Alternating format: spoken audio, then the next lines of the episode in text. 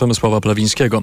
Kampania wyborcza w Poznaniu ruszy najprawdopodobniej po feriach, co trochę zaskakuje obecnego prezydenta i kandydata Jacka Jaśkowiaka. Gdybym wiedział, że tych kandydatów nie będzie, że, że tej kampanii de facto nie będzie, e, no to pewnie tak bym organizował swój czas, żeby więcej czasu spędzić e, z wnuczką.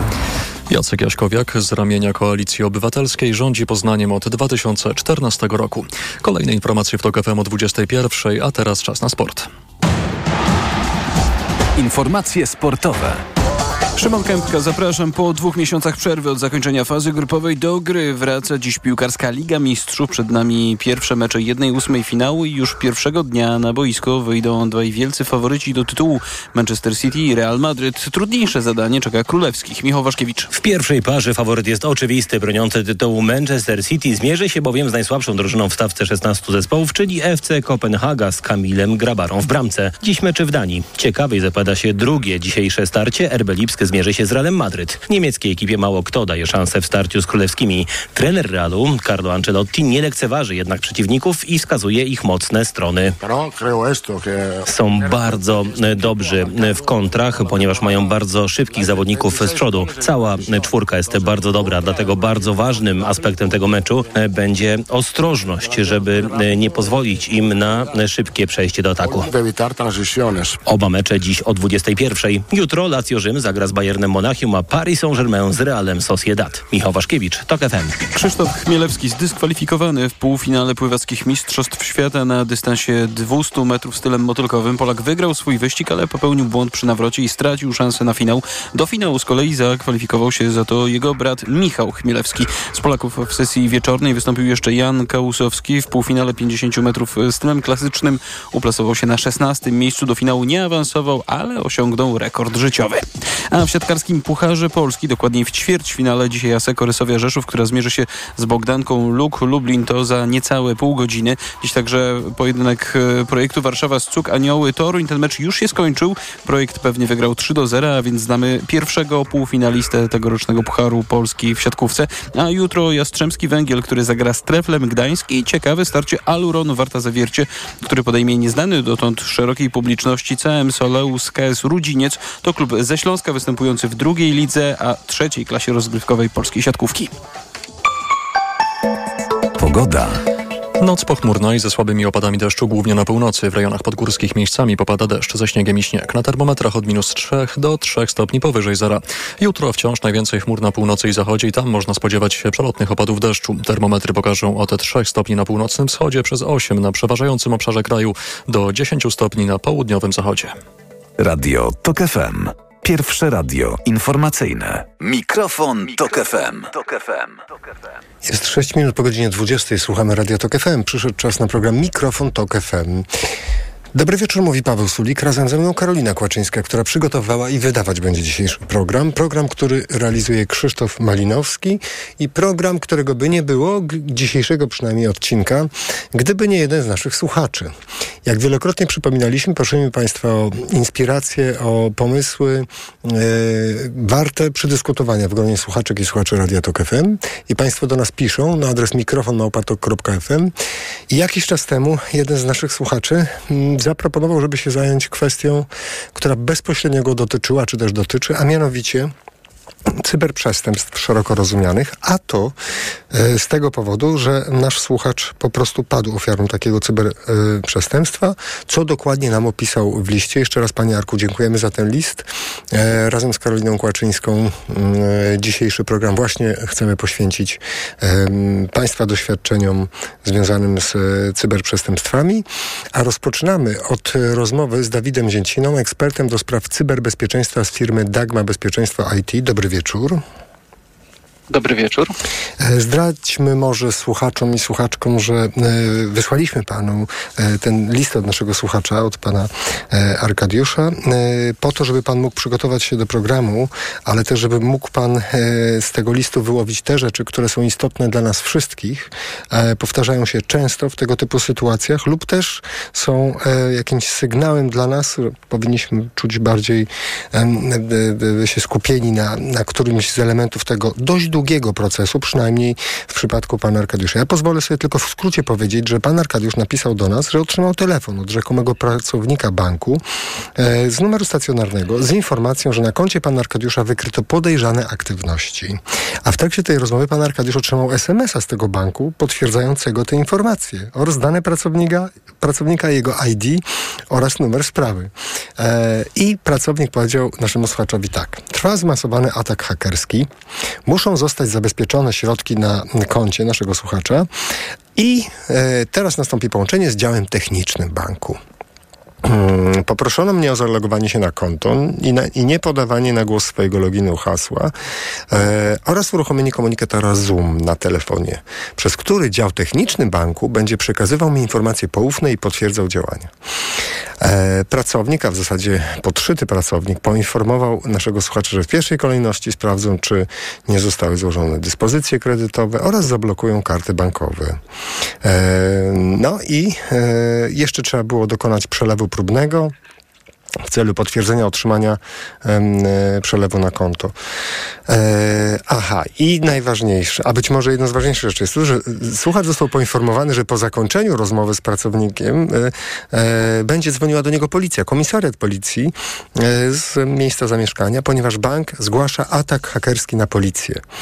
E, no i finalnie ten dzień w życiu naszego słuchacza kończy się w ten sposób, przynajmniej pan Ark nam to opisał, że wieczorem podczas kolacji e, cieszył się z żoną, że uniknął ataku hakerskiego i bank ochronił e, środki. Oczywiście, jak się słuchacze i słuchaczki domyślają, to wcale nie jest koniec, tylko wręcz początek tej historii lub też połowa, ale w tym momencie chciałem się zatrzymać i zapytać naszego eksperta, jak to jest? Czy kiedy pan czyta taki list i słyszy o takiej sytuacji, to gdzie tu się pojawiają te momenty, na które my wszyscy powinniśmy zwrócić uwagę? Co tu, co tu się wydarzyło takiego, że pan by podkreślał to, że mm, to jest moment, kiedy powinna nam się za, zapalić czerwona lampka? Jest tutaj wiele takich miejsc, w których powinna nam się zaświecić właśnie ta czerwona lampka. Natomiast ciężko czasami wychwycić ten moment, ponieważ jesteśmy manipulowani i cały ten atak, tu nie ma zaawansowanej technologii, która przeciwko nam jest angażowana. Tutaj są angażowane tak zwane socjotechniki, czyli osoba, która z nami rozmawia, manipuluje nami, manipuluje naszymi emocjami i prowadzi nas w sobie znanym kierunku. Tak przebiega ten atak. I nie jest e, przypadek pana Arkadiusza odosobniony. To są e, bardzo duże ilości tego typu historii, z którymi na co dzień można zapoznać się, czy to w mediach, czy to po prostu u nas w firmie, gdzie zajmujemy się cyberbezpieczeństwem i incydentami. E, bardziej e, jesteśmy w stanie tutaj pomóc w sytuacji, kiedy mamy gdzieś tą technologię e, w tym łańcuchu, w którym jesteśmy się obronić. Tutaj pierwszym i ostatnim bastionem obrony jesteśmy my sami, ponieważ na nas najczęściej jest właśnie taki atak kierowany na ludzi i wykorzystywane są takie nasze ludzkie po prostu słabości, a tutaj mnóstwo ich e, zostało w sprytny i przemyślany sposób przez atakujących wykorzystane. Ale w tym łańcuchu... Takim... Mhm, tak, proszę mówić. Mhm.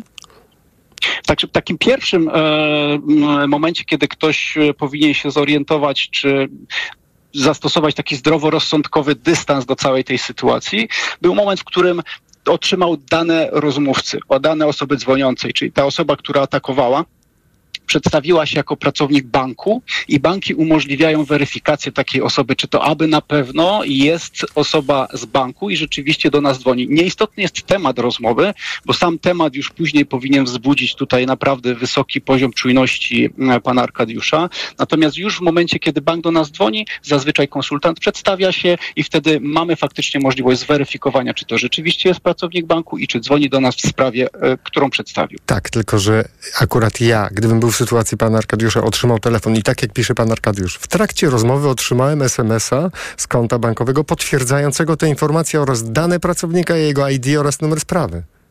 To ja byłbym absolutnie uspokojony, nawet jeśli zalecany przez pana dystans bym zachował.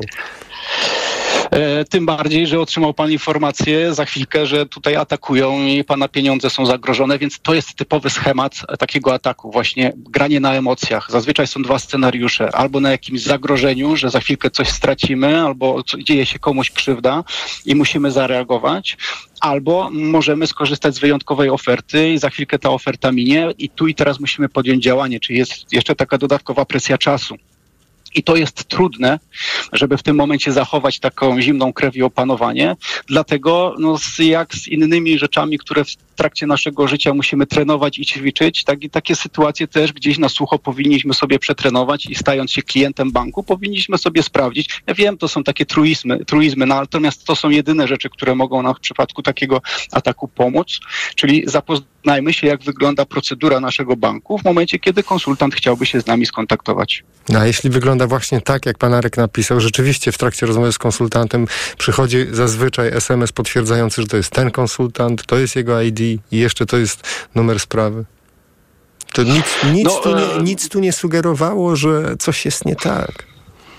Na samym początku nie, no bo tutaj pan Arkadiusz pisze, że połączenie nastąpiło z numeru stacjonarnego. Co prawda nie pisze jakiego, ale jest taka możliwość, że będzie to nawet numer stacjonarny banku naszego, tak? Te numery telefonów podawane są na stronach internetowych banków. To są informacje ogólnodostępne.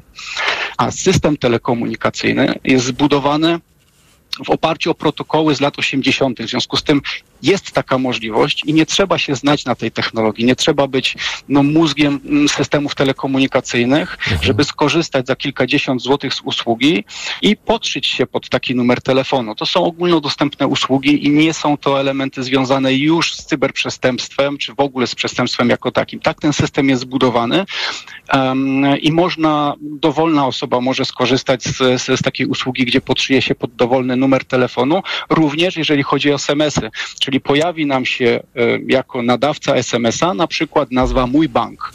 E, natomiast to dalej nie jest jeszcze nic groźnego, bo samo odebranie telefonu i samo nawiązanie rozmowy nie powoduje, że utraci, utracimy pieniądze z naszego konta. E, to całe zło dzieje się troszkę później w tym scenariuszu rozmowy. Czyli gdzie jest ten, ten krytyczny punkt? Krytyczny punkt pierwszy, który się pojawia, to taki, że mm, osoba dzwoniąca informuje, że są potrzebne działania na koncie mm, właśnie, gdzie znajdują się środki mm, e, pana Arkadiusza. No, bank przecież ma wszelkie możliwe narzędzia do tego, żeby albo takie środki zabezpieczyć, albo tylko i wyłącznie upewnić się, na przykład mogą być takie sytuacje, w której bank będzie próbował się z nami skontaktować, żeby e, zweryfikować, czy ten podejrzany mm, przelew, czy też jakieś podejrzane operacje na naszym koncie są rzeczywiście przez nas wykonywane. Banki w swoich procedurach mają i weryfikują e, e, różnego rodzaju anomalie i tak, takie telefony z pytaniem, czy to na pewno my, albo z informacją, że odnotowano jakąś nieprawidłową operację, mogą mieć miejsce i tutaj zresztą do pana Arkadiusza później rzeczywiście bank próbował się się dodzwonić, prawda? Natomiast na pewno nie będziemy proszeni o jakiekolwiek podawanie e, informacji związanych z tym, jaki jest stan naszego konta. Nie będziemy musieli wykonywać jakichkolwiek operacji, a tym bardziej, i to jest krytyczny moment i to nie powinno mieć nigdy miejsca. Nie możemy oddać zarządzania naszym telefonem bądź komputerem jakiemukolwiek pracownikowi banku czy jakiejkolwiek innej osobie, która do nas dzwoni i prosi nas o to, abyśmy właśnie uruchomili czy to Zooma, czy to jakąkolwiek inną aplikację do tego, żeby ta osoba mogła podglądać, co my robimy na naszym telefonie bądź na naszym komputerze to absolutnie nie powinno mieć miejsca i nigdy tego nie róbmy. Czyli ten moment, kiedy na dobrą sprawę, do którego jeszcze mogło się nic nie wydarzyć, przynajmniej nic złego, to jest moment, kiedy my instalujemy u siebie albo uruchamiamy zainstalowany już wcześniej program, który powoduje, że ktoś może mieć wgląd na to, co my robimy, tak? W swoim komputerze. To jest ten moment, tak?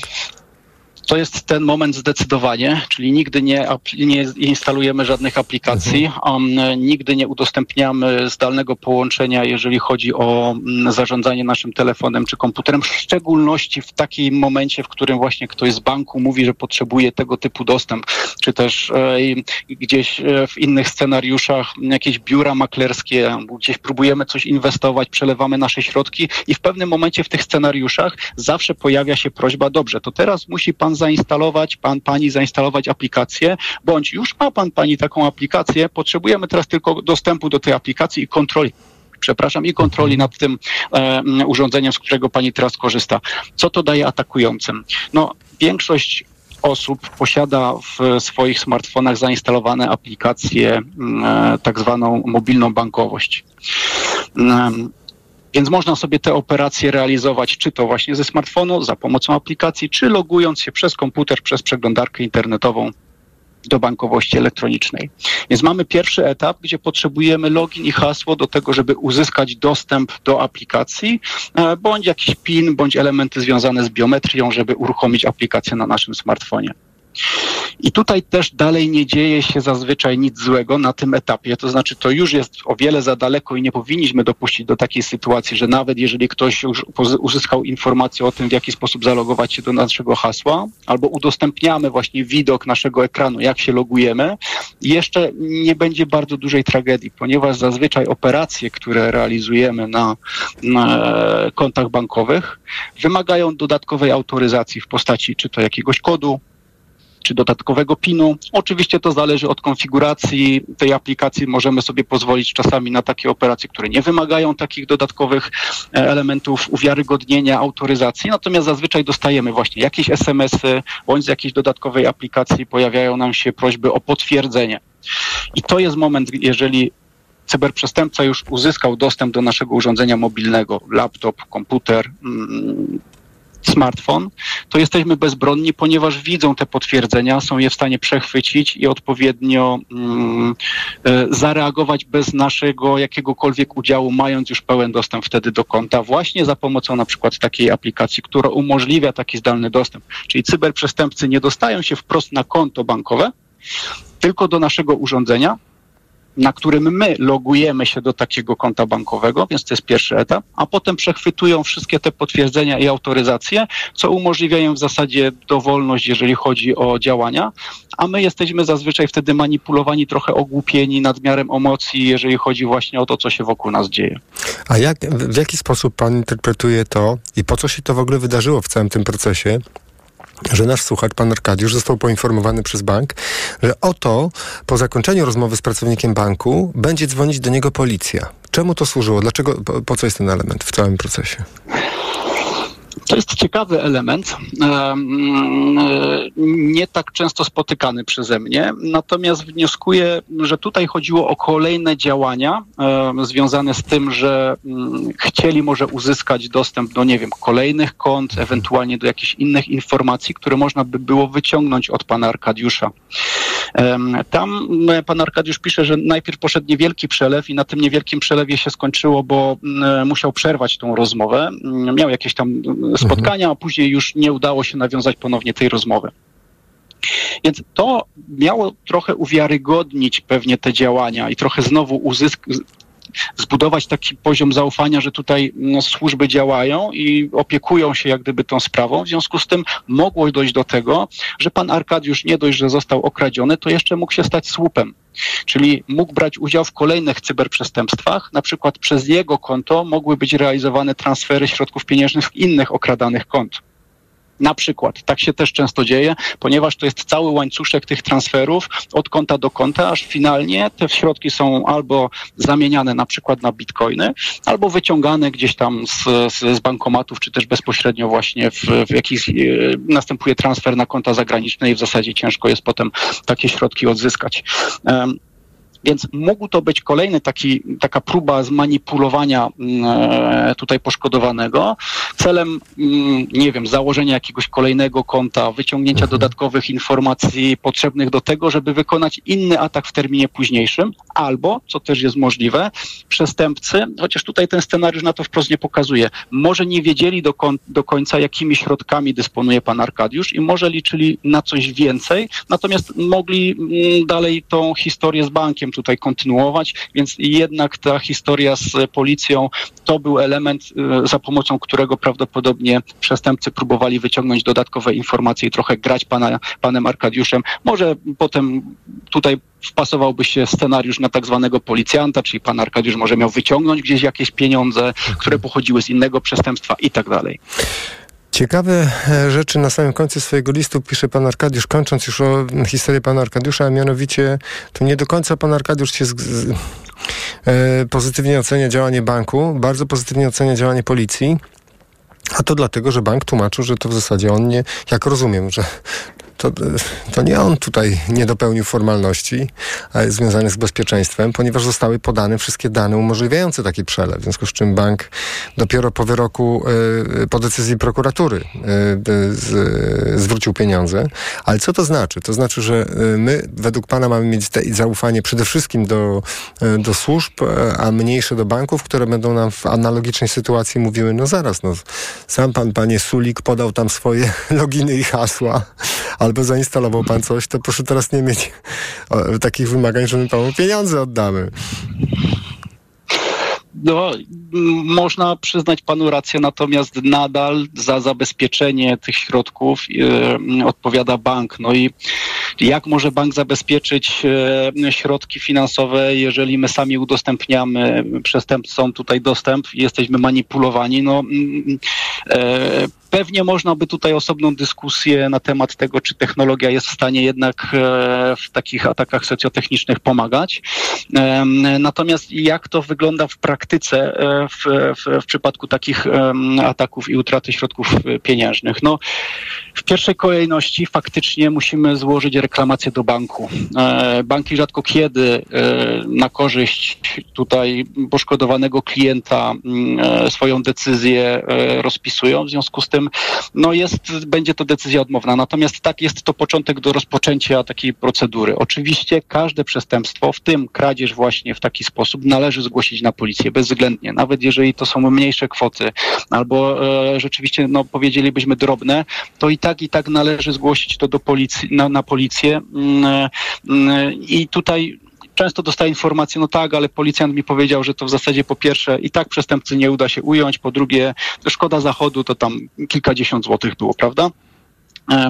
I tak nie, nie zrażajmy się. Trzeba to zgłosić na policję. Y, trochę czasu nie stracimy, zainwestujemy ten czas, bo być może policji uda się w skali większej ilości poszkodowanych rzeczywiście ująć sprawcę i udaremnić kolejne tego typu przestępstwa. W każdym razie ten drugi element, który wykonał pan Arkadiusz po złożeniu reklamacji, zgłoszenie tego na policję, umożliwia potem dochodzenie w sądzie właśnie odzyskania mhm. środków pieniężnych. I to, że te dwie czynności, czyli reklamacja i zgłoszenie na policję, bardzo szybko zostało zrealizowane przez pana Arkadiusza, umożliwiło później właśnie w drodze już sądowej odzyskanie tej kwoty. Tak, jeszcze ten, happy end, no, jeśli można to nazwać happy endem, w każdym razie koniec całej historii jest taki, że osoba, która mm, e, dzwoniła, została e, ujęta przez policję, e, oskarżona, aresztowana, e, pieniądze, prokuratura niestety umorzyła śledztwo w sprawie poszukiwań źródła i pomysłodawców tego przestępstwa.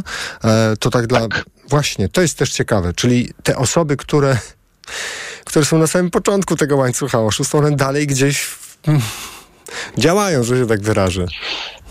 Z reguły tak to właśnie wygląda. I tutaj mówiliśmy o tym wątku, dlaczego Komisariat policji dzwonił jeszcze do pana Arkadiusza, tak? No właśnie, mm, może właśnie ze, ze, względu na to, że miał być wykorzystany w innym jakimś mhm. ataku i przekazaniu tych środków pieniężnych. Być może ta osoba, która finalnie tutaj została przez policję ujęta, ona była przysłowiowym słupem i tak naprawdę albo chciała zarobić jakieś parę złotych, bo ktoś jej obiecał, że jak wyciągnie pieniądze i przeleje na inne konto bankowe albo gdzieś tam wyciągnie z bankomatu i wpłaci gdzieś tam do wpłatomatu, gdzie może bitcoiny na przykład zakupić, miała zrobić prostą robotę, zarobić tam parę stówek.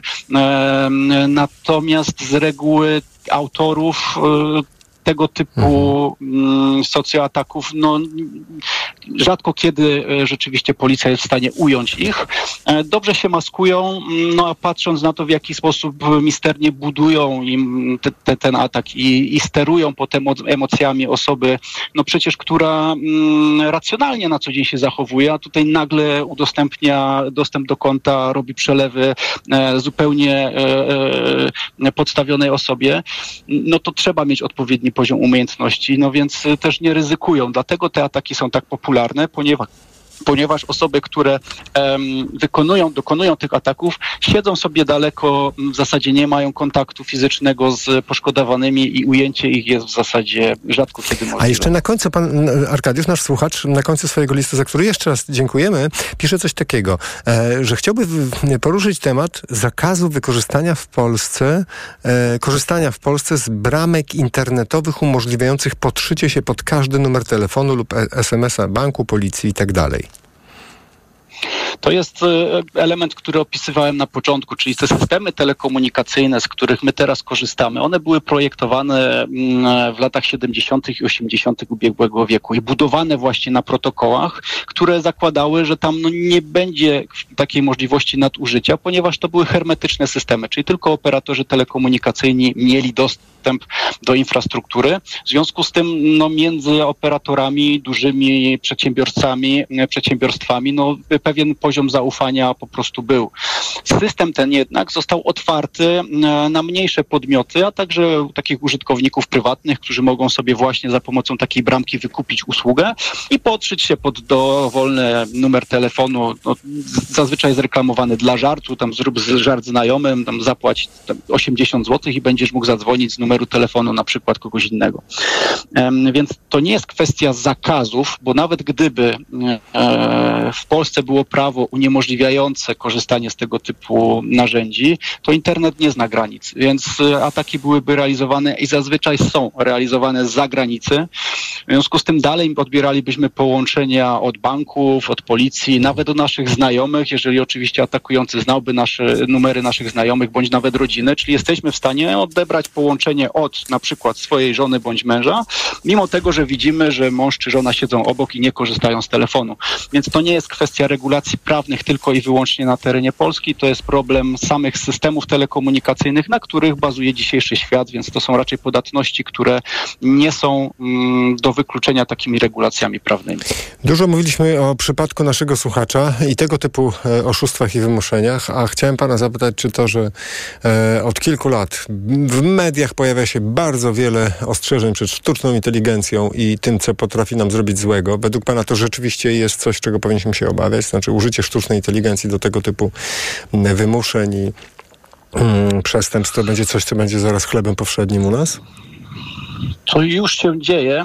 E, czy mm, obawiałbym się sztucznej inteligencji? Nie. Natomiast e, te ataki właśnie phishingowe, które mają na celu wyciągnięcie od nas pewnego rodzaju informacji, nagłonienie nas do pewnych działań pod wpływem emocji, one coraz częściej przybierają taką formę zachęty na przykład do inwestycji, e, zapewnienia jakiejś gwarancji zwrotu jakichś środków w momencie, kiedy zainwestujemy pewne kwoty, gdzie wykorzystywane są wizerunki publicznych osób, e, względem których no, e, to zaufanie od, zaufania od razu nabieramy. Tak? Są to aktorzy, są to politycy, często jest wykorzystywany wizerunek prezydenta państwa, jeszcze w tym bardziej, że w kontekście na przykład pewnych e, projektów finansowych spółek Skarbu Państwa, gdzie głos prezydenta zachęca do tego, żeby inwestować w spółkę, e, dlatego że mm, e, będzie gwarantowany duży, duży zwrot. Tak, tak, zaraz e, ale no to i... znaczy, że pan chce powiedzieć słuchaczom i słuchaczkom, jeśli usłyszysz prezydenta, premiera lub też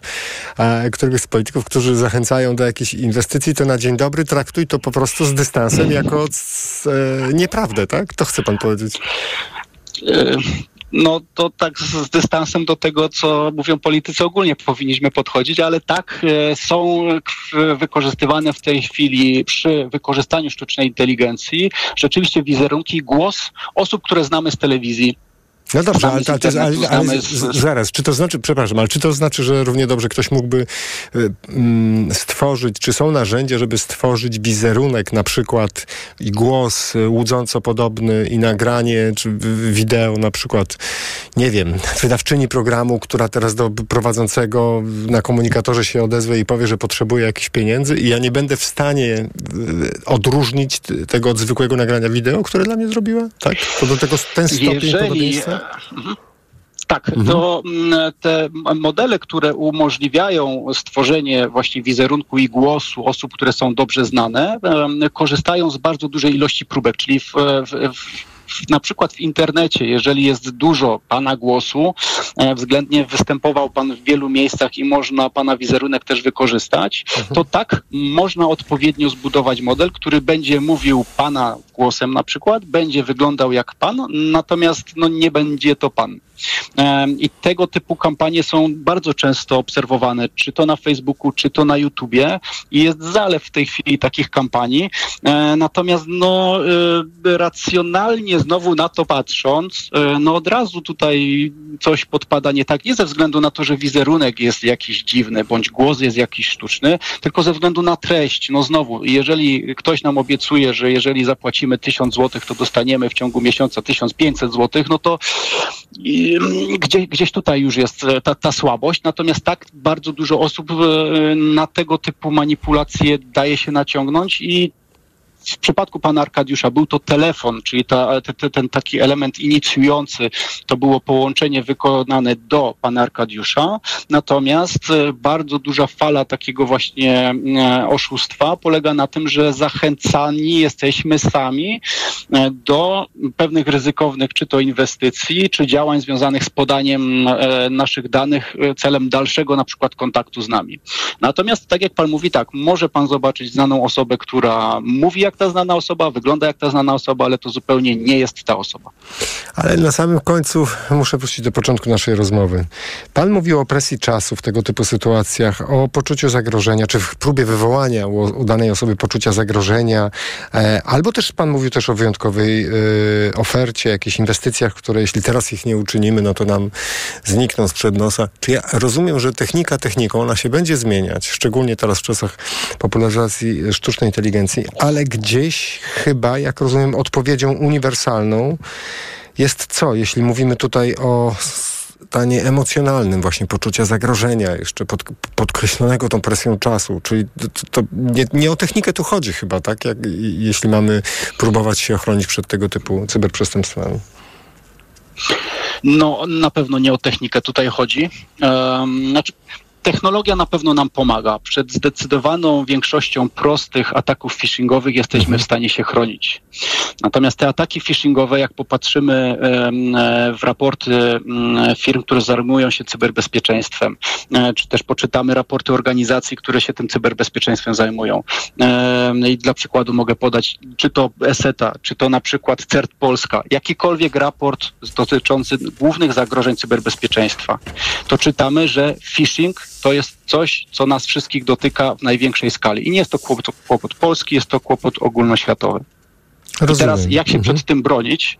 Mamy oczywiście technologię, która nas przed tym będzie chroniła. Ten podstawowy antywirus, którego sobie instalujemy, zazwyczaj w naszych komputerach bądź telefonach, to już jest coś, co każdy w zasadzie przyjął za, za mm, element konieczny do tego, że w dzisiejszym mhm. świecie bez tego się nie da funkcjonować. Natomiast warto znaleźć takie rozwiązanie, które też nas chroni przed kwestiami związanymi z phishingiem. Ale tak jak pan mówi, technologia nie chroni nas przed tym, że sami ją wyłączymy albo będziemy przeciwko niej działali, bo kierują nami emocje, więc atakujący zawsze będą celowali w to najsłabsze ogniwo, którym jest człowiek. I teraz jak do tego podejść, w jaki sposób e, zareagować, jak w ogóle przeciwdziałać tego typu atakom? Są treningi. I tutaj może być ciekawostka. E, my jako firma mamy wyspecjalizowaną jednostkę, która przygotowuje takie kampanie phishingowe i przeprowadza je realnie atakując firmę. Czyli e, właśnie tego typu zabiegi mm, są realizowane nie po to, żeby finalnie okraść te firmy, tylko po to, żeby na przykładzie nauczyć pracowników, jak reagować w sytuacjach, jak wykrywać i jak reagować w takich sytuacjach. Więc trening, tak zwana cyberhigiena, i uświadamianie ludzi o cyberzagrożeniach. To jest coś, w jaki sposób jesteśmy w stanie reagować. To oczywiście wymaga pewnego nakładu pracy od nas e, i tak jak mówiłem na początku, żeby zaznajomić się, jeżeli już mamy konto w banku, żeby zaznajomić się, jak wygląda ta procedura kontaktu, jak my możemy zweryfikować, czy rzeczywiście kontaktuje się z nami pracownik banku. Tak samo powinniśmy podchodzić do obserwacji, jak w tej chwili wyglądają trendy związane z nowymi technikami i taktykami atakujących. Trochę mi brakuje takich artykułów e, na przykład na pierwszych stronach gazet, e, czyli w momencie, kiedy sobie czytamy, co się tam dzieje na świecie. E, Warto czasami gdzieś tam zerknąć w takie sekcje poświęcone technologii i tam je dopiero znajdziemy. Tam są ostrzeżenia też dotyczące tego, jak atakujący teraz wykorzystują swoje, jak budują swoje kampanie. W tej chwili dosyć popularna kampania jest związana z ZUS-em, więc te informacje się pojawiają, tylko nie mają siły przebicia, więc polecam obserwowanie na przykład CERT Polska czy blogu dagny.pl e, po to, żeby wychwytywać, jakie trendy są aktualnie. E, I to powinno być takie właśnie coś na co dzień, z czym powinniśmy się za, e, e, też zainteresować.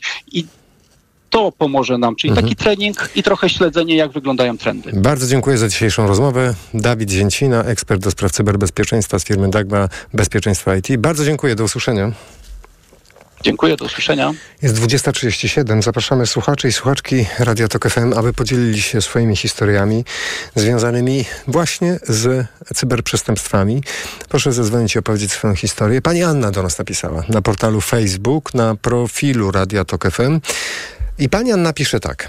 Kiedyś ktoś zalogował mi się na konto na Facebooku pomimo ustawionego silnego hasła i wyciągnął blisko tysiąc złotych od znajomych. W inny sposób nigdy nie padłem ofiarą wyłudzenia czy kradzieży danych. Od lat pracuję w instytucji finansowej zajmującej się tworzeniem aplikacji i procesów zgodnie z zasadami cyberbezpieczeństwa, więc raczej jestem wyczulona na cyberprzestępców. Choć pewnie i takie osoby jak ja bywają ofiarami wyłudzeń. E, Dziękujemy Pani Anno za e, Pani e, wpis na portalu Facebook, na profilu Radio Tok FM. Pan Mariusz z kolei pisze tak. Phishing praktycznie co tydzień, alarmujące e-maile o zakupie drogich przedmiotów, wiadomości tekstowe od dziecka, czterolatka, że ma nowy numer na Whatsappie. I kilka razy telefon z banku, tu pan Mariusz w cudzysłowie umieszcza bank, telefon z banku, że muszę szybko zmienić hasło, a link podeślą mi SMS-em. I pan Mariusz pisze tak. Ignoruję takie wiadomości. Innym też radzę. Dziękujemy panie Mariuszu za pana e, wpis. 22 4 4 0 44 to jest numer telefonu do Radia Tok FM. Pan Adam z Łodzi jest z nami. Dobry wieczór panie Adamie. Dobry wieczór, kłaniam się pięknie. Ja chcę powiedzieć, nie byłem nigdy doświadczony przez tego typu przestępstwa, ale uważam, że to z racji tego, ponieważ nie uległem modzie właśnie korzystania ze wszelkich możliwych yy, tak zwanych ułatwień yy, właśnie dzisiejszych czasów. Czyli nie mam żadnych aplikacji, sklepów, sieci, różnego tego typu rzeczy. Nie pobieram ich, wręcz jak ktoś mi zadaje pytanie, czy mam aplikację, od razu odpowiadam, że nie chcę i nie będę i żadnej Mhm. aplikacji instalował. A panie Adamie, a pan nie miał jak zo- zostać, że się tak wyrażę, oszukany przy, przy użyciu tego typu technik, a przy użyciu innego rodzaju technik, nie wiem, zadzwonił ktoś do pana, metoda, no nie chcę powiedzieć na wnuczka, nie, na nie, policjanta nie, nie, i tak dalej? Nie, nie. Nikt? Nigdy nie miałem takiego telefonu, e, ponieważ e, ja bardzo ograniczam swoją, e, że tak powiem, użytkowalność w ogóle wszystkich Dobrze, panie Adamie, to nie telefonu, w ogóle tak spotyka się pan z ludźmi. Oczywiście. I tu e, też nigdy nie doszło do Nie, oszustwa. m- miałem osobę znajomą, która właśnie gdzieś tam miała jakiś problem y, związany właśnie z bankowością, Mhm. ale jest to osoba też, która y, nagminnie ma w swoim telefonie właśnie pobiera wszystkiego rodzaju aplikacje do zielonych sklepów, do innych i tak dalej i z nich korzysta. Ale to panie Ja Adamie, pa- czy to był ten moment, kiedy pan miał powiedzieć, a tyle razy mówiłem, żeby nie używać tych Tak, technologii. Tak? I zrobił pan to. pamiętam, że, że po takiej właśnie informacji, że y, gdzieś tam y, zniknęła jakaś część pieniędzy z jego konta Mhm. i próbował tam, to było i Ale dobrze, ale i tak jak dalej. teraz ta osoba w takim razie jak do tego podchodzi? Rzeczywiście mniej korzysta z tych technologii po, Y, po tym powiem doświadczeniu? Szczerze, że z chwilą y, zakupu nowego y, telefonu y, żadnych aplikacji już nie pobrała, oprócz tych, które są zainstalowane w tym telefonie. Panie Adamie, daj, I- rozumiem, dajmy szansę jeszcze innym słuchaczom. Wiele osób dzisiaj dzwoni. Dziękujemy za Pana głos. Do usłyszenia. Pan Adam z Łodzi był z nami. Nasz numer to 22 44 044. Czekamy na Państwa opowieści i doświadczenia. E, jak to jest e, um, być ofiarą cyberprzestępstwa? Mm, e, po tym wstępie, który, który de facto uczynił nasz słuchacz, pisząc do nas maila, e, Państwo do nas dzwonią pod numer 22 44 044. Pan Patryk z Gdańska jest z nami. Dobry wieczór, Panie Patryku. Dobry wieczór, dobry wieczór Państwu, dobry wieczór Panu. Słuchamy Pana.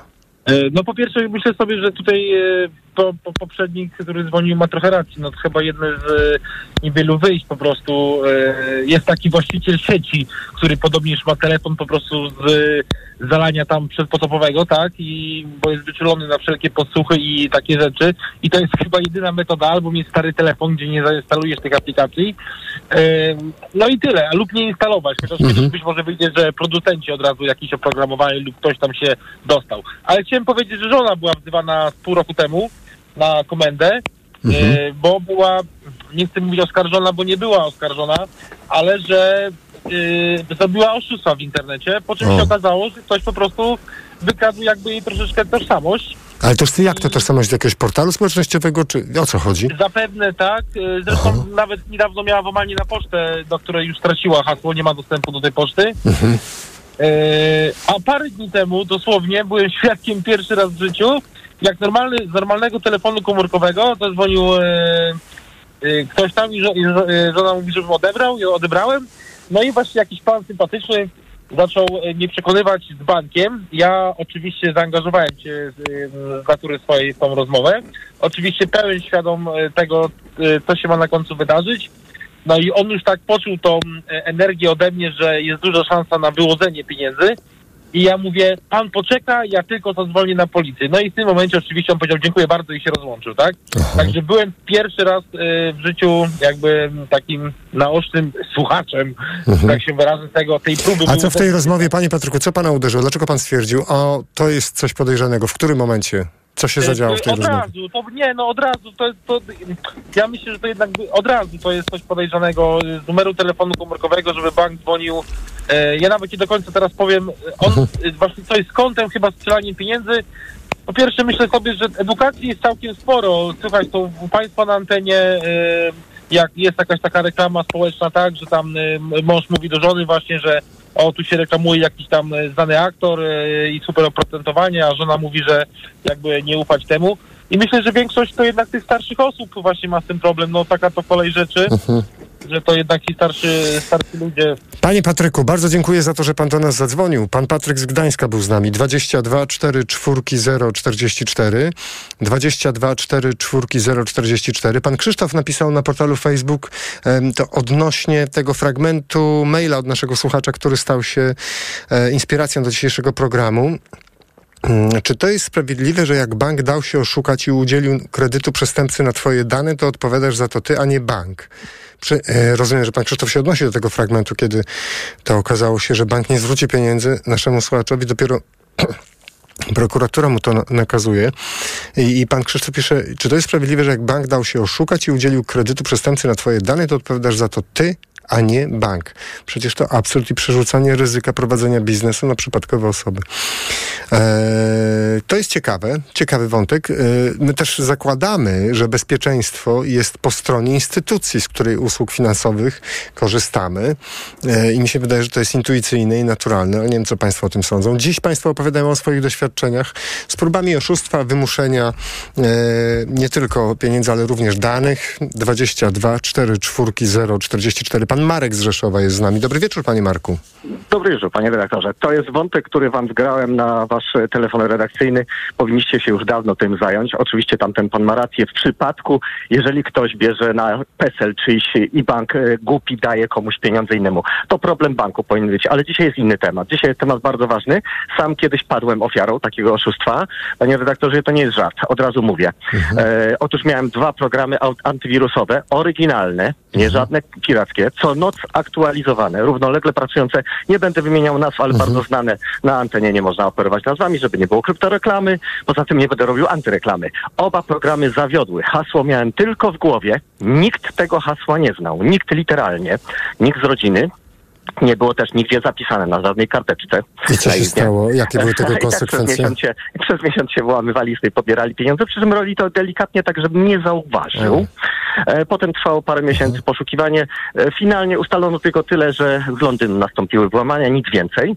E, Miałem to w nosie, powiedziałem trudno, Polak mądry po szkodzie i uwaga, przyjąłem zasadę fundamentalną, troszkę zbliżoną do tego, co ten pan powiedział.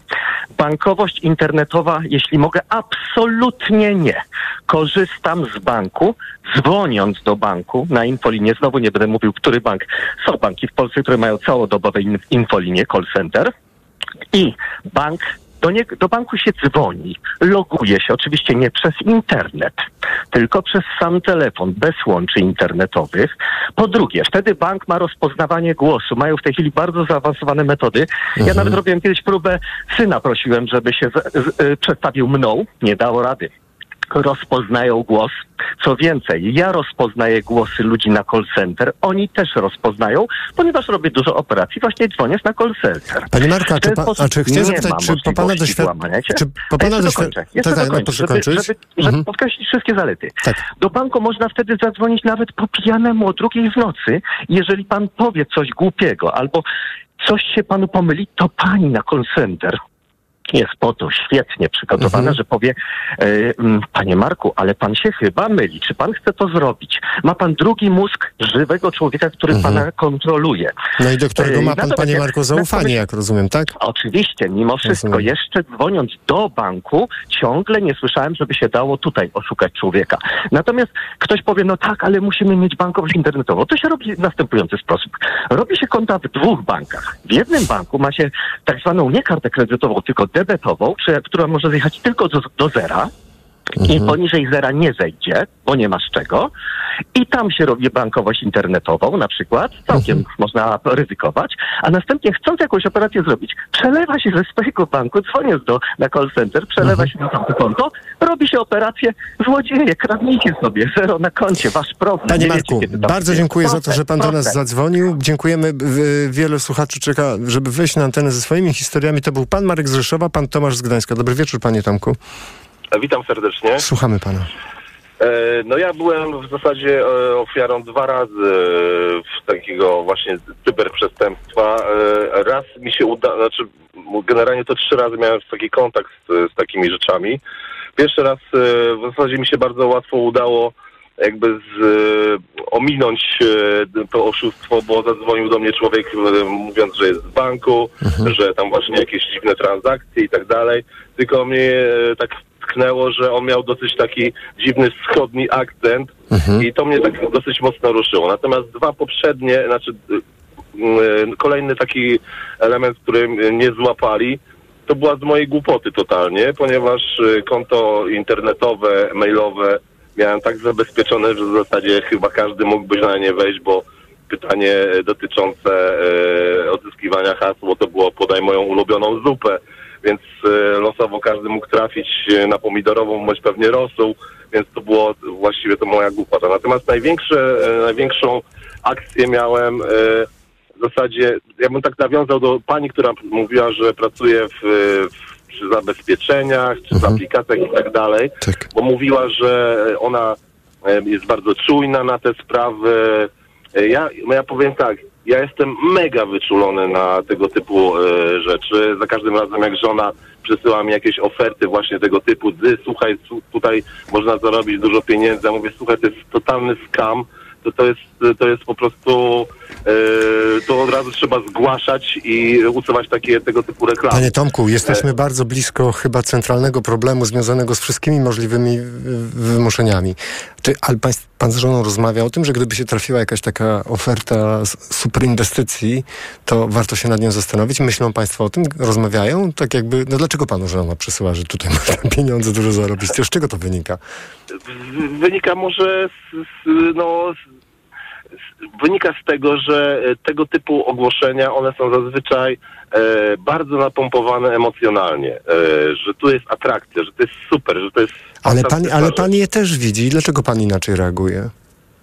No bo, e, bo troszeczkę więcej może po internecie chodzę niż moja żona, może więcej miałem kontaktu z właśnie opiniami na tego, na, na podstawie różnych takich właśnie e, e, tego typu. Rozumiem, a pani Tomko, no, a życiowo? A życiowo jak to jest? Czy to jak pan i pana żona, jak się pojawia okazja, to kto pierwszy po nią ruszy? Tak w ogóle. E, no żona. Aha. Czy to nie jest kwestia... Żona. No właśnie. Ja ją, ja ją bardzo często właśnie powstrzymuję. E, Natomiast na szczęście to nie są e, jakoś tak, e, nie wpadliśmy na takie opcje, mega okazje, aczkolwiek powiem tak, tak ta pani, generalnie wszyscy ci przestępcy bazują mega na emocjach. I między innymi na takich emocjach popłynąłem dosyć mocno, bo straciłem jakieś 2000 złotych, bo o ile większość z tych takich cyberprzestępców, oni kreują tą emocję, że jest strasznie, że jest jakieś zagrożenie, natomiast ja popłynąłem zupełnie na odwrotnych emocjach. Ja byłem tak podekscytowany pewną sytuacją, bo kupowałem bilet na e, duży e, festiwal zagraniczny e, i e, w zasadzie byłem tak podekscytowany, że e, zignorowałem wszelkie możliwe e, kwestie zabezpieczeń, e, ostrzeżeń o skamach, o innych tego typu zagrywkach. A panie Tomku, ale jakie, jakie to były emocje? W sensie ucieszył się pan, że pan usłyszy swoje ulubione zespoły, czy to o co chodzi? o Tak, jakie... dokładnie, dokładnie. Aha, tak podekscytowany, że zupełnie- pojadę aha. na wymarzony,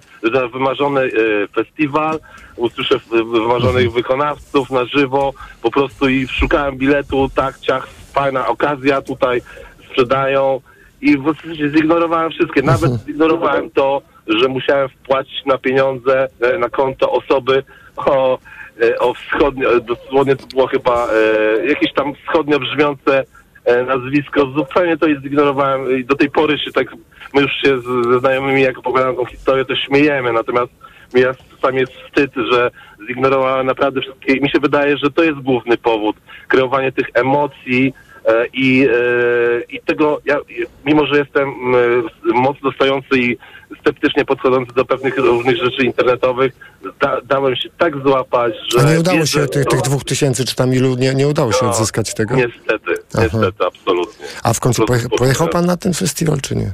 Tak, pojechałem. Wydałem, no kolejne, już się śmieliśmy, że mieliśmy bilety VIP-owskie. Bo podwójnie zapłacone. Panie Tomku, bardzo dziękuję za pana głos. Wszystkiego dobrego życzymy. Do usłyszenia. Pan Tomasz z Gdańska był z nami. Pan Mikołaj z Warszawy. Dobry wieczór, panie Mikołaju. E, Dobry wieczór pan, dobry wieczór państwu, Słuchamy słuchaczom. M, Moje doświadczenia e, z cyberprzestępczością, czy przestępczością szerzej mówiąc internetową, e, były pięciokrotne. I to od, od ofiary do roli potencjalnego przestępcy, więc bardzo ciekawe doświadczenia i chciałam się z tym podzielić. Więc pierwszym doświadczeniem, jakim, jakiego zaznałem, e, była po prostu, było, było to typowy ransomware, kiedy został mi zablokowany komputer. Na szczęście miałem wśród swoich kręgu, swoich znajomych, miałem znajomego hakera, który to odblokował i przestępcy potencjalnemu, zresztą z Rosji, wyczyścił w nocy cały, e, cały komputer do zera. Także, także akurat to się szczęśliwie skończyło. E, z kolei drugi raz e, to była klasyczna sytuacja, kiedy zadzwoniono do mnie z policji z informacją, że pieniądze są zagrożone, że zaraz podjedzie radiowóz, żeby tutaj mi pomóc i tak dalej, i tak dalej. Ja się natychmiast rozłączyłem. Co ciekawe, oni mieli jakiś system taki, że e, to wszystko było na stacjonarny telefon. Mm, O, oni mieli taki system, że mi potem przez, przez dwie godziny blokowali, blokowali możliwość wykonania połączeń. Także cały czas byłem z nimi połączony z tymi przestępcami. Także chciałem też Państwa ostrzec, że takie też są możliwości. A do prawdziwej policji w tej sytuacji się pan odezwał później, że coś takiego się dzieje? się natychmiast z telefonu komórkowego. Aha, aha. Ej, No, mhm, proszę mówić. E, także e, i właśnie dzięki temu oczywiście od razu zgłosiłem przy okazji przestępców, no oczywiście się okazało, ja sobie zapisałem, bo się tenże e, przestępca przedstawił z imienia i nazwiska i numeru służbowego, więc okazało się za chwilę, e, telefon miałem zablokowany, ale mówię, z komórki mogłem, mogłem wykonać połączenie. Była to komenda na Wilczej. Z komendy na Wilczej do mnie dzwoniono w Warszawie i, i tam mi oczywiście powiedziano, że taki, e, taki człowiek w ogóle Mhm, nie aha. pracuje o takim numerze i natychmiast też przyjęto od, ode mnie zgłoszenie e, przestępstwa. Następna sytuacja bardzo pozytywna. Otóż ja jestem, e, ja jestem matematykiem z zawodu i e, kupowałem książki w Australii. E, Książki, które nie są dostępne nigdzie indziej, bo to wydawał, wydała tak, takie towarzystwo matematyczne. Oni nie sprzedają tego do księgarni. Kupowałem sobie te książki korzystając z okazji, że ktoś tam znajomy za, do Australii pojechał i mógł po prostu te książki odebrać i przywieźć. I proszę sobie wyobrazić, że kupowałem to z karty e, poprzez, poprzez transakcję PKO BP e, państwowego banku i proszę sobie wyobrazić, że następnego dnia zadzwoniła do mnie, że pani z obsługa biura obsługi klientów w banku zapytawszy się, czy ja dokonywałem operacji w Australii e, na taką i na taką kwotę, co oczywiście potwierdziłem. Więc bardzo, bardzo pozytywny tutaj punkt i chylę czoła e, rzetelności e, pracowników banku PKO BP, bo rzeczywiście, bo rzeczywiście stanęli na wysokości zadania, zauważając sami podejrzaną niby to transakcję, że ktoś kupował sobie książki w Australii, prawda? Więc bardzo to ciekawe było. Następnym e, doświadczeniem e, była kradzież z mojej karty w innym banku, w Velobanku, e, gdzie dokonywałem, e, gdzie ja kiedyś coś tam płaciłem, no ale ktoś musiał podejrzeć jakoś mój, e, mój numer karty, czy się w jakiś tam sposób e, doszedł do tego. No i w Stanach Zjednoczonych dokonywano tra- transakcji, myślę, że jakieś narkotyki kupowano w aptece po 10-15 dolarów. Więc było to zupełnie niezauważalne, tylko tyle, że ja mam na aplikacji Velobanku m, e, mam powiadomienia, jak się jakieś transakcje wykonują, więc, e, więc dostawałem powiadomienia, ale to były takie kwoty 20 zł, 30 zł za pierwszym i drugim czy trzecim razem nie zwróciłem uwagi. Dopiero za piątym coś mnie tknęło. No i jak zadzwoniłem na infolinię, to mi rzeczywiście potwierdzono, że takie, że takie transakcje miały miejsce. Złożyłem reklamację bez słowa, ponieważ e, tam jest podwójne zabezpieczenie, a działo się to poza, poza systemem Panie. Mikołaju, powolutku musimy kończyć. Dobrze, jeszcze ostatnia rzecz, może najciekawsza. I to chyba, i to jest najdłuższa, więc bardzo proszę Och. o dwie minuty, dlatego że e, proszę, proszę sobie wyobrazić, że zajmuję się e, mieszkaniem sąsiadki, która wyjechała za granicę do pracy. I wszyscy o tym wiedzą łącznie z administracją, bo w razie czego, gdyby trzeba coś Mhm, otworzyć, kontrolę i tak dalej, to ja mam klucze. I zjawiła się u mnie policja. Zjawiła się u mnie policja, jako że e, z, ja mam klucze do sąsiadki, a w dniu któregoś tam grudnia, dwa lata temu, e, zostały wykonane połączenia i wyłudziłem e, od człowieka pieniądze w, w, w formie takiej, że wyłudziłem od niego kody blików. I proszę sobie wyobrazić, że zostałem, byłem wzywany na policję, na Stare Miasto i policjant mi się zapytał, proszę pana, jak pan to wytłumaczy, że pan jedyny ma dostęp do tego mieszkania, a z tego mieszkania zostały, yy, zostały wykonane połączenia. Policja w ogóle nie była mm, świadoma tego, że można wygenerować każdy numer. Musimy kończyć. Panie Mikołaju, mam nadzieję, że to w, y, już się nie powtórzy, co się panu przydarzyło pięciokrotnie w pana życiu. Pan Mikołaj z Warszawy był z nami. Za minutę godzina 21. Informacja Radia Tok FM. Po informacjach kolejne państwa głosy. Mikrofon, Tok FM. Radio Tok FM. Pierwsze radio informacyjne. Reklama. Marian, A, a ta nasza nowa lodówka taka cicha i prądu mało zużywa. prawda, Barbara? No. A kto ją przywiózł, wniósł i podłączył? No, Panowie z Media, Expert. I jeszcze tego starego rupiecia zabrali. Wygodnie i za darmo. No. Teraz w Media Expert nowy sprzęt przywozimy do Twojego domu, wnosimy, podłączamy, a jeśli trzeba, stary sprzęt odbieramy za darmo. Więcej w sklepach i na mediaexpert.pl. Przyjmuję dwa razy w weekend, w sobotę i niedzielę od 16 w Radiu Tok FM. Na wizytę u doktora zaprasza Ewa Podolska. I zdrowia życzę. Na audycję zaprasza sponsor. Producent Żywiec Zdrój Minerals Plus z magnezem. Reklama. Radio Tok FM. Pierwsze radio informacyjne. Wtorek, 13 lutego, minęła 21. Informacje Tok FM. Arkadiusz Urbanek. Polska obywatelka porwana w Czadzie została uwolniona, jest cała i zdrowa, informuje szef polskiego MSZ. Nielegalne podsłuchy systemem Pegasus niespodziewanie stały się jednym z tematów rozmów podczas posiedzenia Rady Gabinetowej. Prezydent Egiptu rozmawia z szefem CIA i premierem Kataru o rozejmie w gazie. Szef MSZ Radosław Sikorski poinformował, że polska obywatelka porwana w Czadzie została uwolniona. Jest cała i zdrowa, co przekazałem telefonicznie jej najbliższym, podkreślił minister spraw zagranicznych. Agencja AFP poinformowała w niedzielę o porwaniu polskiej lekarki ze szpitala San Michel w miejscowości Donomanga w Czadzie. Rzecznik MSZ Paweł Wroński informował, że napastnicy podawali się za pacjentów, a z tego co wiadomo podłoże porwania miało charakter bardziej kryminalny. Polski resort dyplomacji poinformował, że w akcji poszukiwawczej brały udział siły czadyjskie i francuskie. Donald Tusk dość niespodziewanie na posiedzeniu Rady Gabinetowej poinformował Andrzeja Dudę o dokumentach dotyczących zakupu i używania oprogramowania szpiegowskiego Pegasus przez służby w czasach rządów Prawa i Sprawiedliwości. Jak podkreślał szef rządu, część z nich jest niejawna, ale są oczywiście do dyspozycji prezydenta. Dokument jest tylko jednym z wielu, jakie Andrzej Duda ma otrzymać od ministra sprawiedliwości Adama Bodnara. Dokument, który potwierdza zakup Pegasusa, izraelskiego systemu stworzonego z myślą o inwigilacji grup terrorystycznych czy zorganizowanej przestępczości. Poza tym, jak mówił Donald Tusk, Tusk jest już jasne, przeciwko komu był on używany w Polsce. Lista mm, ofiar tych praktyk jest niestety bardzo, bardzo długa. Ten dokument, który mam tutaj w ręku, potwierdza niestety to, czego się najbardziej obawialiśmy, że z inicjatywy Centralnego Biura Antykorupcyjnego zwrócono się o sfinansowanie zakupu Pegasusa do Funduszu Sprawiedliwości który podlega ministrowi sprawiedliwości i ma służyć ofiarom przestępstw, ale gdy szefem resortu był Zbigniew Ziobro, postanowił ze środków funduszu przeznaczyć ponad 20 milionów złotych na system Pegasus dla CBA. Tak zwane trzynastki i czternastki nie są doskonałym rozwiązaniem, ale będą utrzymane, zapowiada wiceszef resortu Rodziny, Pracy i Polityki Społecznej Sebastian Gajewski. W rozmowie z TOK FM wiceminister mówił też o dalszych planach koalicji rządowej, w tym o dalszych losach emerytur stażowych.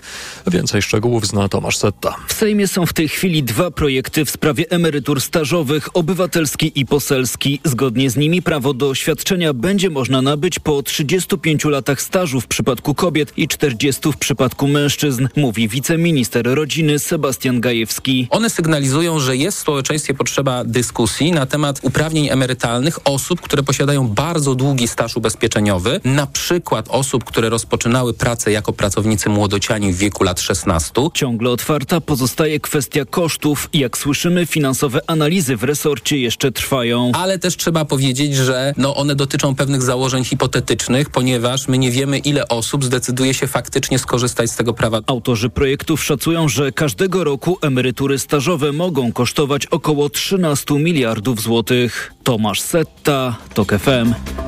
Prezydent Egiptu Abdel Fattah el-Sisi spotkał się w Kairze z dyrektorem CIA Billem Burnsem i premierem Kataru szejkiem Mohamedem bin Abdulrahmanem al-Sanim na rozmowy o rozejmie między Izraelem a Hamasem w strefie gazy, podał rzecznik egipskiego przywódcy. Przywódcy Egiptu i Kataru ostrzegli też przed ekstremalnym zagrożeniem eskalacji operacji militarnych w Rafach na południu strefy gazy.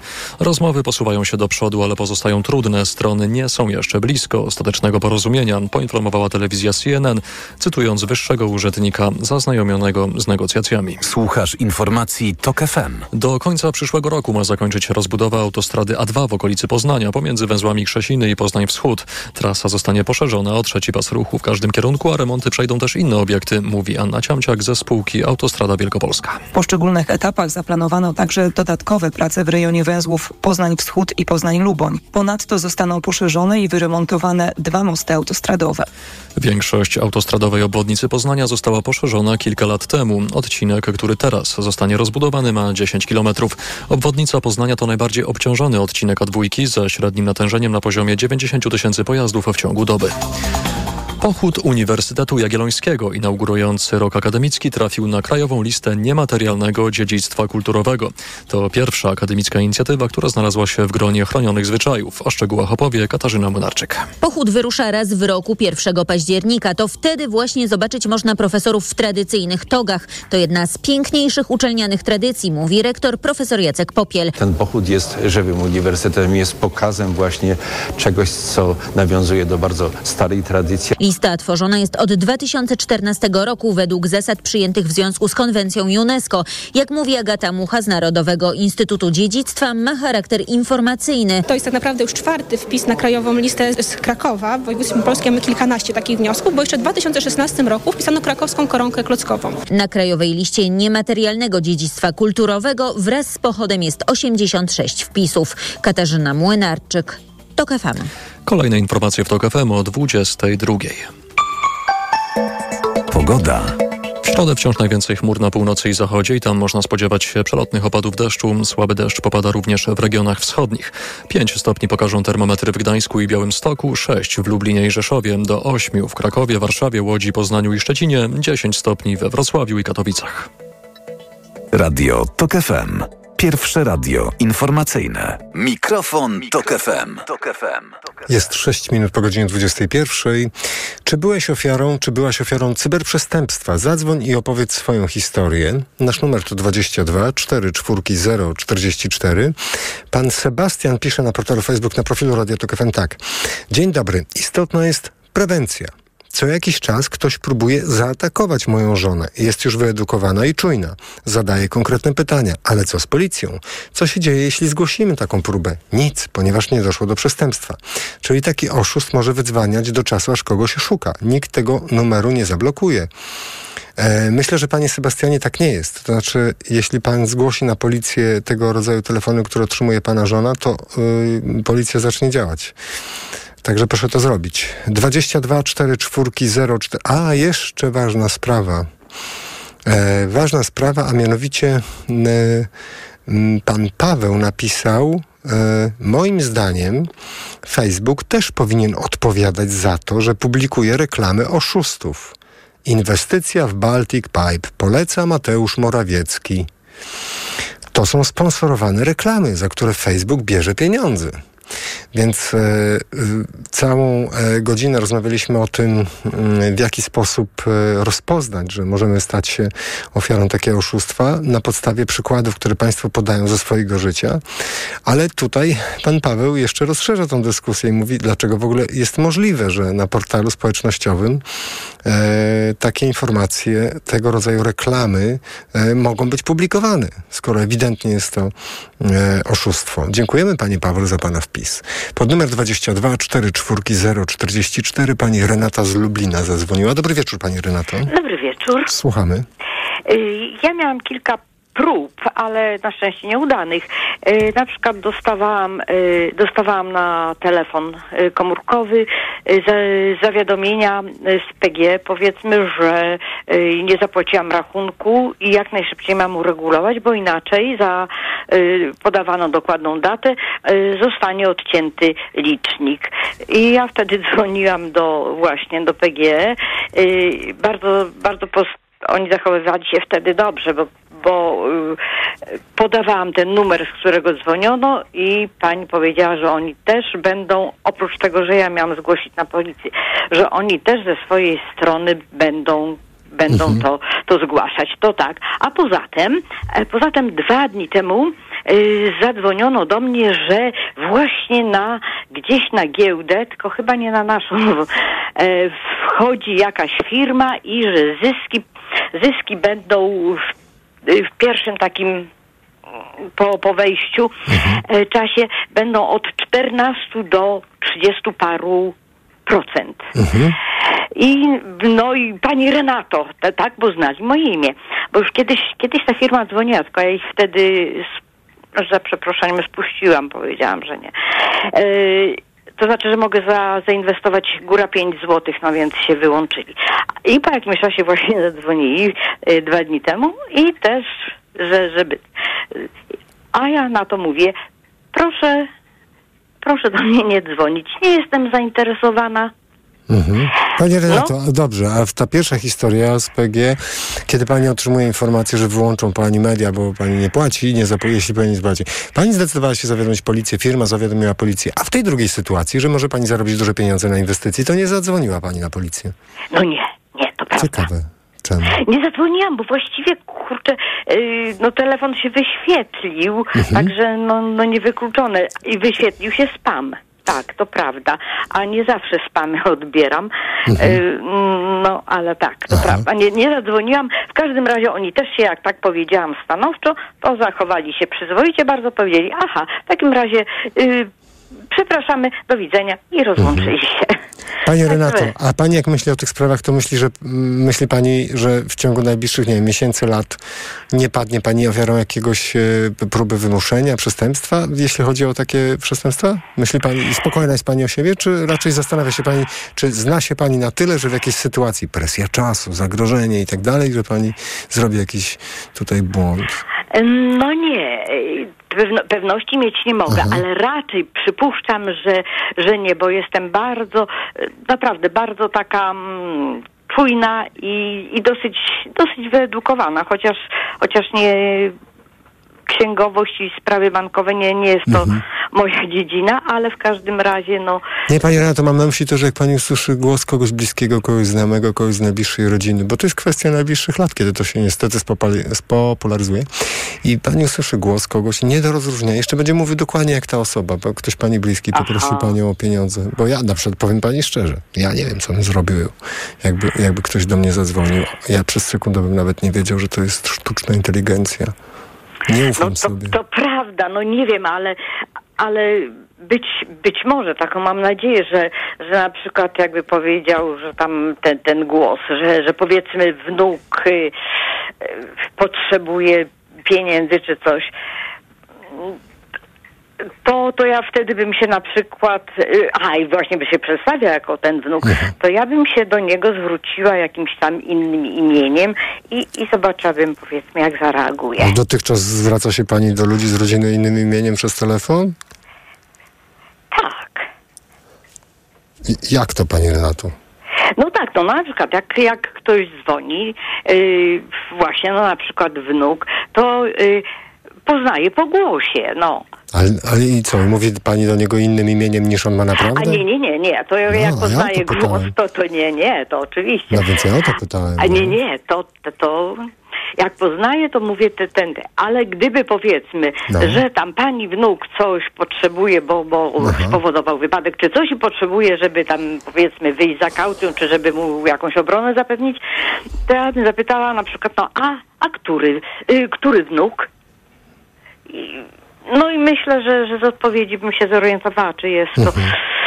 O, oby, oby nie było takich sytuacji, pani Oby nie, tak, bo, bo, bo człowiek tyle, tyle wie, ile go sprawdzono, także w tej chwili mogę przypuszczać, że żebym się nie dała e, zrobić, ale, Mhm. Nie ale wiadomo. pewności, pewności, no. Pani Renato, bardzo dziękuję za Pani głos. Pani Renata z Lublina e, była z nami. Tyle o nas wiemy, na ile nas sprawdzono. To jest, proszę Państwa, chyba to powinno być hasło dzisiejszego programu. E, pani Aleksandra z Piaseczna. Dobry wieczór, Pani Aleksandro. Dobry wieczór, dobry wieczór. Słuchamy. A ja chciałam powiedzieć, że y, nigdy nie padłam ofiarą cyberprzestępstwa, jeżeli chodzi o pieniądze. Natomiast y, moja mama była. Y, mm, moja mama wiele lat temu, logując się na swoje konto internetowe, y, zalogowała się do obcej osoby. E, I y, miało to miejsce dwa razy w tym samym banku. Raz przy mnie. Y, miałam przed oczami po prostu y, cudze konto, wiedziałam ile pieniędzy ma ta osoba na koncie. E, oczywiście było to zgłaszane do banku, natomiast no, y, co z tym bank zrobił do końca nie wiemy. E, raz byłam świadkiem e, i właściwie chyba zapobiegłam y, właśnie przestępstwu, ponieważ byłam u starszej osoby, do której zadzwonił policjant. Znaczy osoba podająca się za policjanta. Takie typowe zdarzenie, o którym się dużo mówi. I po prostu y, słu- słuchając, y, jak to pani rozmawia, ta moja znajoma z tą osobą, jak jej każą tam gdzieś iść, pieniądze wybierać, zagrożone, to tamto, kazała mi się rozłączyć y, i, i, i zgłosić to na policję. Y, no i niestety nie byłam przy mojej mamie. Niecałe dwa miesiące temu moja mama padło, padła ofiarą oszustów na Baltic Pipe. A jak to się, jak, na czym polega to oszustwo? Proszę opowiedzieć. No właśnie trochę się podparła wizerunkiem prezydenta mm, naszego. Chciała zainwestować 800 złotych, 850 dokładnie. Tyle mogła, tyle miała. Nie liczyła na jakieś duże pieniądze. Niestety oddzwonił do niej pan przestępca. No i tak już mamy elegancko poprowadził dalej, że została pozbawiona i emerytury, i wzięto kredyt na nią, y, 23 tysiące y, plus odsetki oczywiście. No i niestety miała kartę kredytową na 10 tysięcy, z której praktycznie nie korzystała, bo to było takie na wszelki wielki. No i tą kartę też y, wy, wy, wyczyścili. Y, Pomijam fakt, że tam jednego dnia po prostu przeszło milion trzysta tysięcy transakcji jakichś, znaczy to tak mówię w cudzysłowie, tych transakcji było ileś tam na prawie 100 tysięcy, przeszło przez jej konto do jakichś obcych osób, od obcych osób i, i, i tyle. I zgłoszone to zostało na policję, do banku. Oczywiście bank odmówił reklamacji, znaczy odmowną reklamację mm, dał. No jesteśmy w trakcie jakby. Tak, pani Aleksandro. Ja ty- sama, przepraszam, ja sama byłam... Aha, tak, tak, słucham. Chciałem zapytać, jak pani z mamą o, o tej sprawie rozmawia, że co się wydarzyło i jak... I ja panu powiem w ten sposób. Moja mama odchorowała to bardzo, przypłaciła to prawie y, wylewem. Niestety, mm, nie, nie od razu, może gdyby zadzwoniła, gdyby zapytała, y, co dalej, gdzie, że, bo też jakieś tam były takie dziwne te mm, telefony, ale dopiero po czasie się zorientowała, kiedy było już za późno i, i, i, i niestety no nie miałam jak zareagować. Y, Rozmawiałam z mamą mm, właściwie dopiero po paru dniach, kiedy ona doszła do siebie. Bo y, na początku nie była w stanie w ogóle o niczym rozmawiać.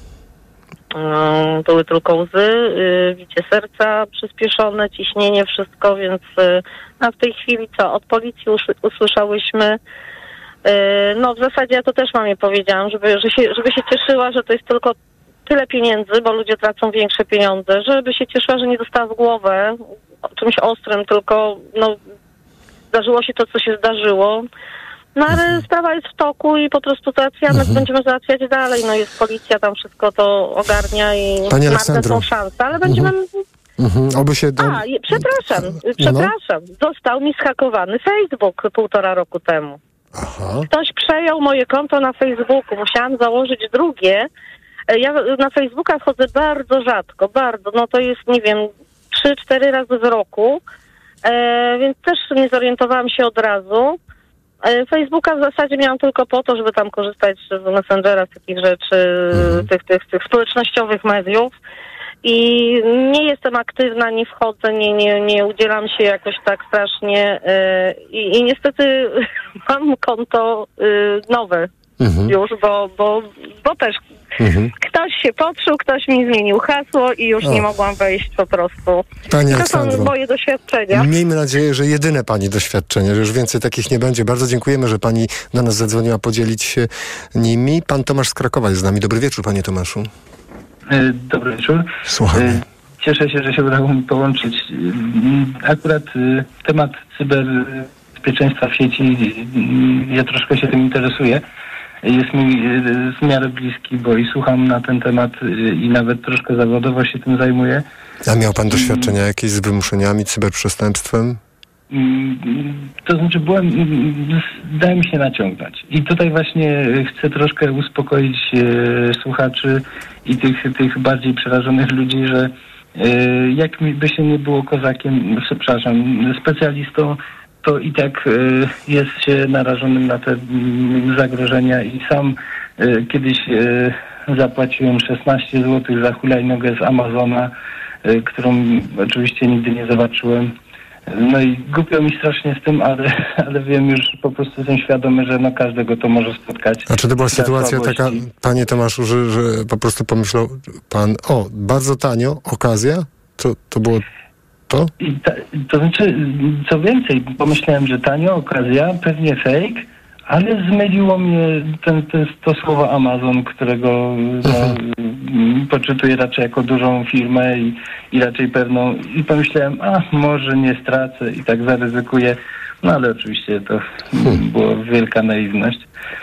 Ja bym tutaj chciał zwrócić je, na bardzo ważną rzecz uwagę, że ciężko mi się naprawdę słucha ludzi, którzy mówią, y, że oni nic nie nie będą się zakładać kont, oni nie chcą mieć nic z tym wspólnego. No, ale jeśli nie mieszkają w jaskini, nie mieszkają gdzieś głęboko w lesie, gdzie mają tylko bank leśny w słoiku pod y, sosną, to no niestety każdy powinien się zainteresować chociaż taką podstawową, y, podstawową zasad, podstawowymi zasadami bezpieczeństwa, z tym, z czym ma do czynienia. Niestety w obecnych czasach nie ma możliwości, żeby nie mieć konta w banku. y, wszędzie się spotykamy z jakimiś płatnościami elektronicznymi. No i, i naprawdę chociaż minimum coś trzeba się dowiedzieć. I równocześnie też chcę uspokoić, że mm, są mm, tworzone różne zasady bezpieczeństwa, które nie są bardzo skomplikowane właśnie dla, dla ludzi, którzy y, właśnie mniej ogarniają y, elektronikę i Panie Tomaszu, to bardzo, rzeczami. bardzo dobrze, że, że pan dzwoni z takim przekazem optymistycznym na koniec. Pan Tomasz z Krakowa był z nami. Dziękujemy wszystkim, którzy dziś podzielili się swoimi doświadczeniami. Program wydawała Karolina Kłaczyńska, realizował Krzysztof Malinowski. Za chwilę książka na głos, książkę Maxa Cegielskiego Kongo w Polsce, Włóczęgi z Józefem Konradem, czyta dla Państwa autor. A skoro dziś wtorek, to po 22 po informacjach zapraszamy na program Los Polandos, czyli niepolski punkt widzenia. Dziś e, e, może niedługa, jeśli chodzi o e, kilometry, ale niezwykle intensywna podróż naszej bohaterki z Donbasu do Warszawy. Po godzinie 22 Los Polandos, czyli niepolski punkt widzenia. Mikrofon, Tok FM. Tok FM.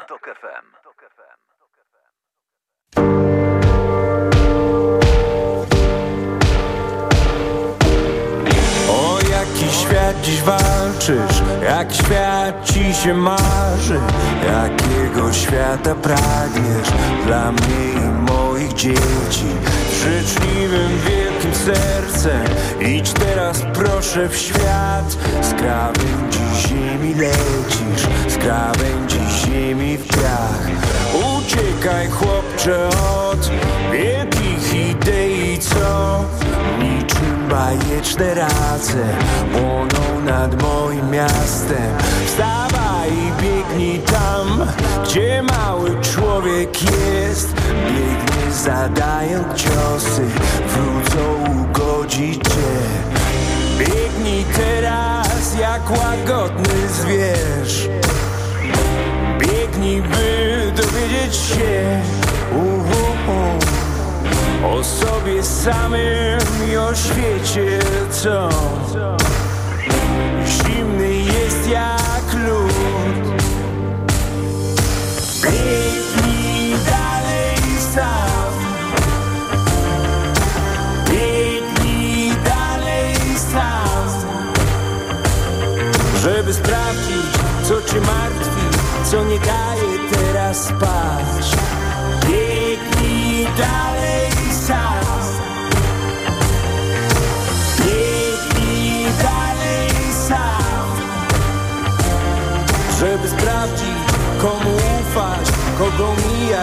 się bać.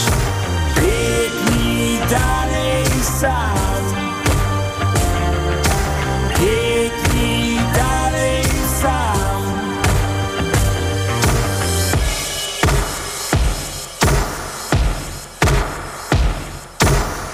O jaki świat dziś walczysz, jak świat ci się marzy Powiedz zanim na mnie spojrzysz, jak śmiertelny życzliwym, wielkim sercem. Idź teraz proszę w świat. Niech prowadzą ciebie ręce, niewidzialny dobry duch. Uciekaj chłopcze od wielkich idei, bo to pogoń jest za wiatrem. Wieje nad moim miastem.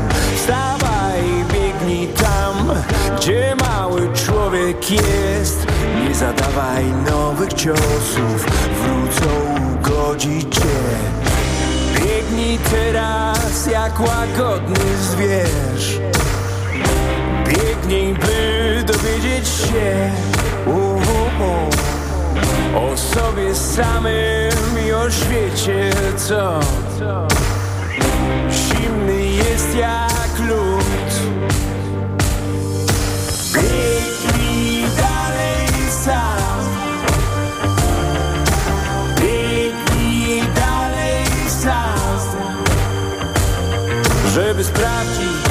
Cię martwi, co nie daje teraz spać. Biegnij dalej sam. Biegnij dalej sam. Żeby sprawdzić, komu ufasz, kogo mijać i się bać. Biegnij dalej sam.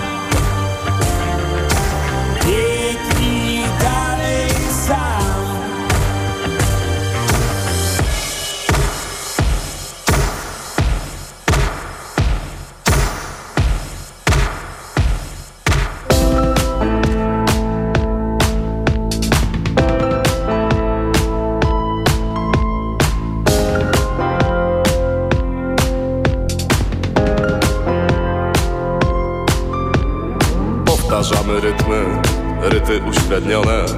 Powtarzamy rytmy, rytmy są z gestów. Rytmy są z gestów i odruchów. Takich chów widocznie. Kieliszki kawy, lówki, domówki, żarty. A każdy żart głupi jak drewniane pięć złotych Udajemy świty, udajemy koty. Potem do roboty A przecież stoisz taki młody, taki młody. I podchodzi dziewczyna i pyta czy Mogę od pana ogień? A ty wiesz, że to nie gramatycznie I tylko popiół masz. Od pana ogień. I podchodzi dziewczyna i pyta Czy mogę od pana ogień? A ty wiesz i tylko popiół masz Przegrywamy bitwy, by wygrywać wojny Ale nie wiadomo, kiedy te się kończą. Uznajemy zatem, że to zawieszenie broni. Nic się nie broni, goni nas czas. Poklepuje w zmarszczki, gorzkie piany piw. Prawdy jak cukierki, zawinięte w fałsze Wyparte farsze. O, wyparte farsze A przecież stoisz taki młody, taki młody. I podchodzi dziewczyna i pyta czy Mogę od pana ogień? A ty wiesz, że to nie gramatycznie I tylko popiół masz. Od pana ogień. I podchodzi dziewczyna i pyta czy Mogę od pana ogień? A ty wiesz i tylko popiół Powtarzamy rytmy. Hit me baby one more time. Łapiemy się na blichtry Udając, że to ironicznie. Ślicznie się snujemy. W świetle latarni. Marni, ale jeszcze nie zmarli. Parlibyśmy na przód Tylko gdzie przód, a gdzie spód? Tylko gdzie przód, a gdzie spód